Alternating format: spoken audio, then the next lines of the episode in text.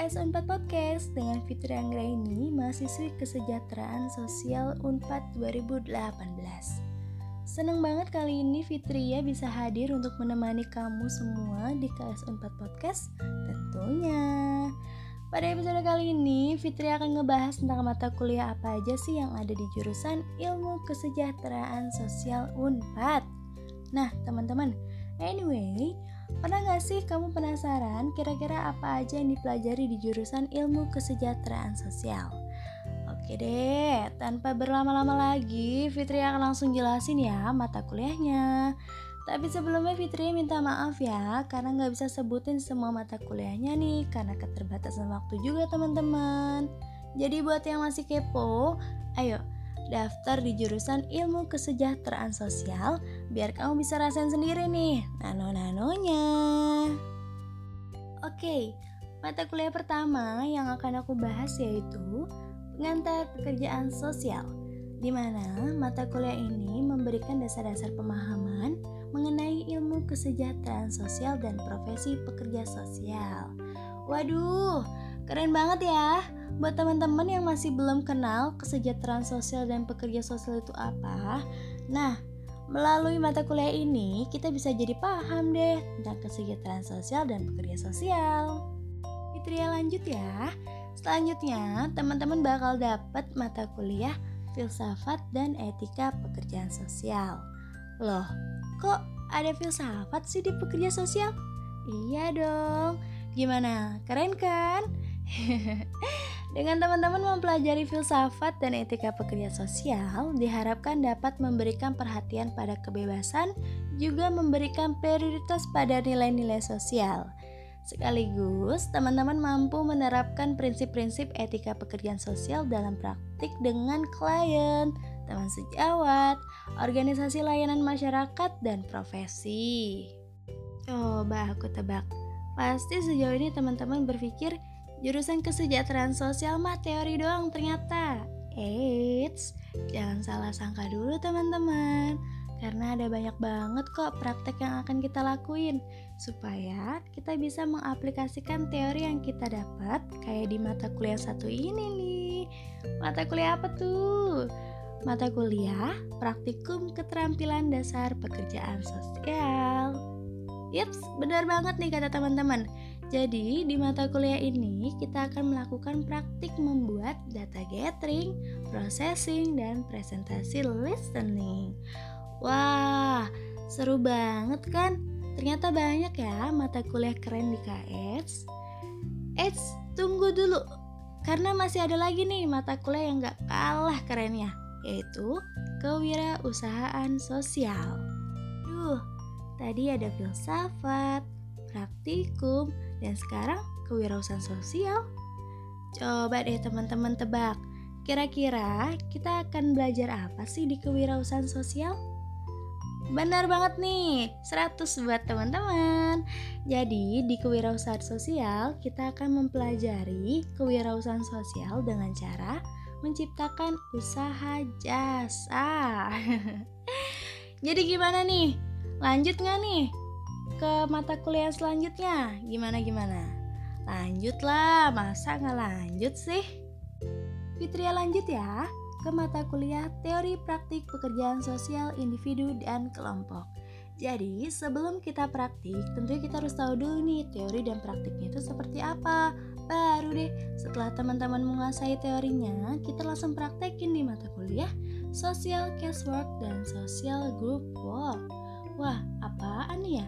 Kok namanya kayak kembar gitu jadi social casework itu kita bakal praktik menerapkan metode dan treatment kepada individu untuk mengatasi hambatan maupun pengembangan potensi.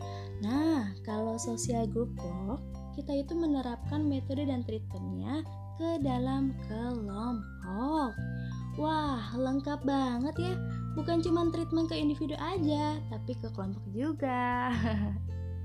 Selanjutnya nih, ada mata kuliah Multikulturalisme and Human Rights in Social Work. Multikultur, wah, kata yang sudah sangat lazim banget ya untuk kita dengar. Benar banget. Jadi mata kuliah ini itu membantu kita untuk memahami keanekaragaman budaya yang dimiliki oleh klien. Karena secara pasti setiap kalian memiliki budaya masing-masing ya. Makanya pekerja sosial perlu banget nih memahami keanekaragaman budaya yang dimiliki oleh klien. Hayo, siapa nih yang udah gak sabar nunggu kelanjutan? Coba angkat kakinya. Eh, maksud aku angkat tangannya. oke oke, Fitri lanjut nih, yaitu ada mata kuliah praktikum pekerjaan sosial dengan individu dan kelompok.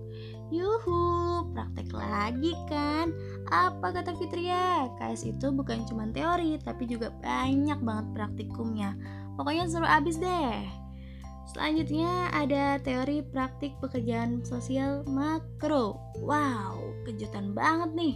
Ternyata nggak cuma individu dan kelompok, ada makronya juga. Wow, kayak situ emang selalu ngasih kejutan matkul-matkul menarik ya.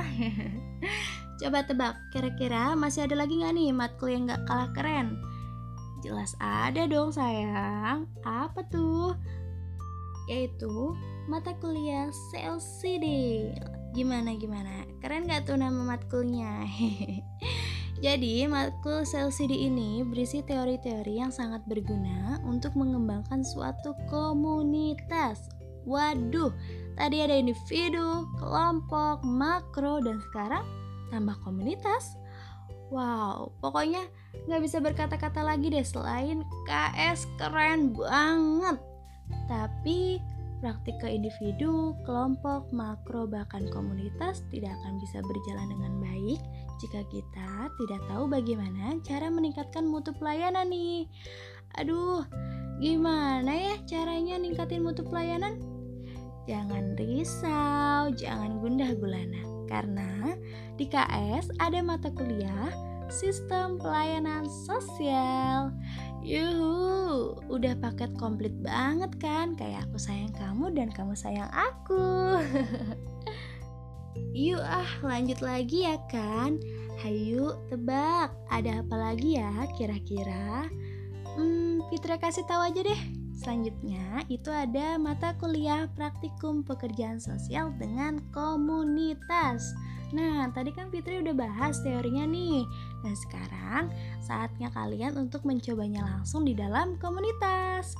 Wow, seru banget kan di KS? Abis belajar teori, langsung praktek. Mantul, mantap betul.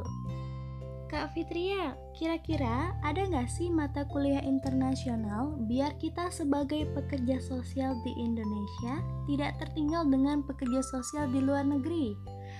Jelas ada lah sayang, kan aku udah bilang KS itu kan paket komplit. Nah, nama mata kuliahnya yaitu Pekerja Sosial Internasional yang akan membahas mengenai isu-isu internasional sekaligus memahami peran pekerja sosial dalam organisasi internasional. Dalam dunia kerja, sebenarnya banyak banget loh posisi yang bisa ditepati oleh lulusan kesejahteraan sosial. Makanya, KS Unpad memberikan mata kuliah seperti anak dan keluarga, kajian lansia, kajian disabilitas, nafza, HIV AIDS, mental health, bahkan mata kuliah pekerjaan sosial koreksional. Ayo, siapa nih yang belum tahu pekerjaan sosial koreksional itu apa sih? Oke deh, Fitria bantu ya. Jadi pekerjaan sosial koreksional yaitu membantu dan merehabilitasi orang yang memiliki masalah hukum. Nah, semua mata kuliah yang ada di KS Unpad itu bertujuan agar nantinya lulusan kesejahteraan sosial dapat bekerja dengan berbagai elemen yang ada di masyarakat.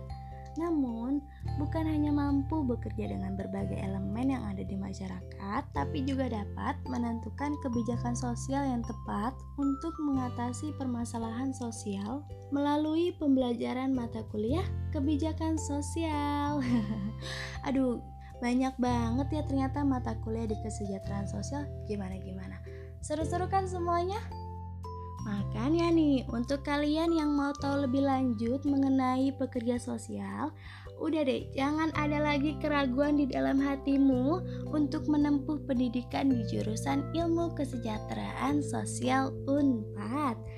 Dan untuk kalian pendengar setia KS Unpad Podcast, jangan lupa ya untuk terus mendengarkan episode-episode selanjutnya hanya di KS Unpad Podcast kesayangan kita semua. Um, bagi kalian yang ingin request isu-isu sosial yang harus dibahas dalam episode selanjutnya atau ingin mengirimkan pesan, kritik, dan saran, langsung DM di Instagram Hima KS Unpad di @ks underscore unpad. Aku ulang sekali lagi ya, @ks underscore unpad.